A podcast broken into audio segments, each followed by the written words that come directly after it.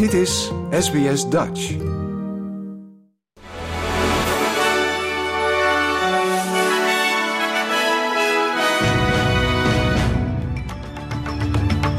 Dit is de SBS Nieuwsflits van woensdag 4 oktober. Mijn naam is Paulien Roesink. De federale regering zegt dat ze alle hulp zullen bieden aan de staten waar ze om vragen. Op dit moment kampen meerdere staten met natuurrampen.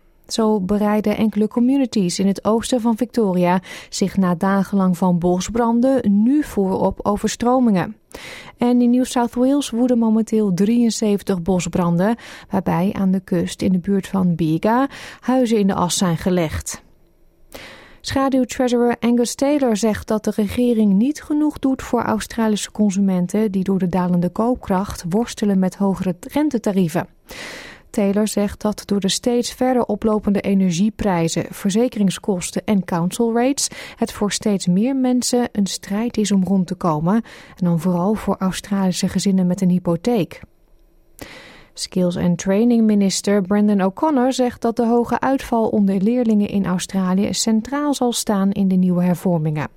In een toespraak voor de National Press Club zei O'Connor gisteren dat de regering momenteel oplossingen zoekt om te voorkomen dat bijna 1 op de twee trade-studenten stopt voordat ze hun studie hebben afgerond. Deskundigen waarschuwen dat de 18,9 miljard dollar, die dankzij een internationale overeenkomst ingezameld zal worden ter bescherming van koraalriffen, niet toereikend zal zijn tenzij bredere klimaatrisico's worden aangepakt. Het International Coral Reef Initiative zegt dat de investering bedoeld is om te helpen met het behoud en herstel van koraal-ecosystemen en om ze te, en om ze te beschermen tegen bedreigingen zoals vervuiling en overbevissing. Bij een busongeluk in het noorden van Italië zijn zeker 20 mensen om het leven gekomen.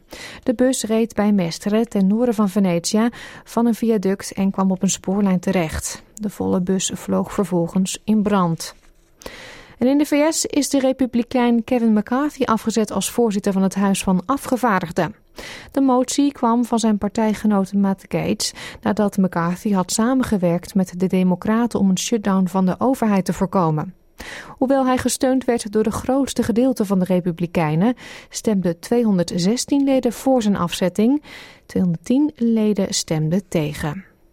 En tot zover deze nieuwsflits. Volg de SBS Dutch podcast voor meer nieuws en achtergronden of bezoek onze website www.sbs.com.au/dutch.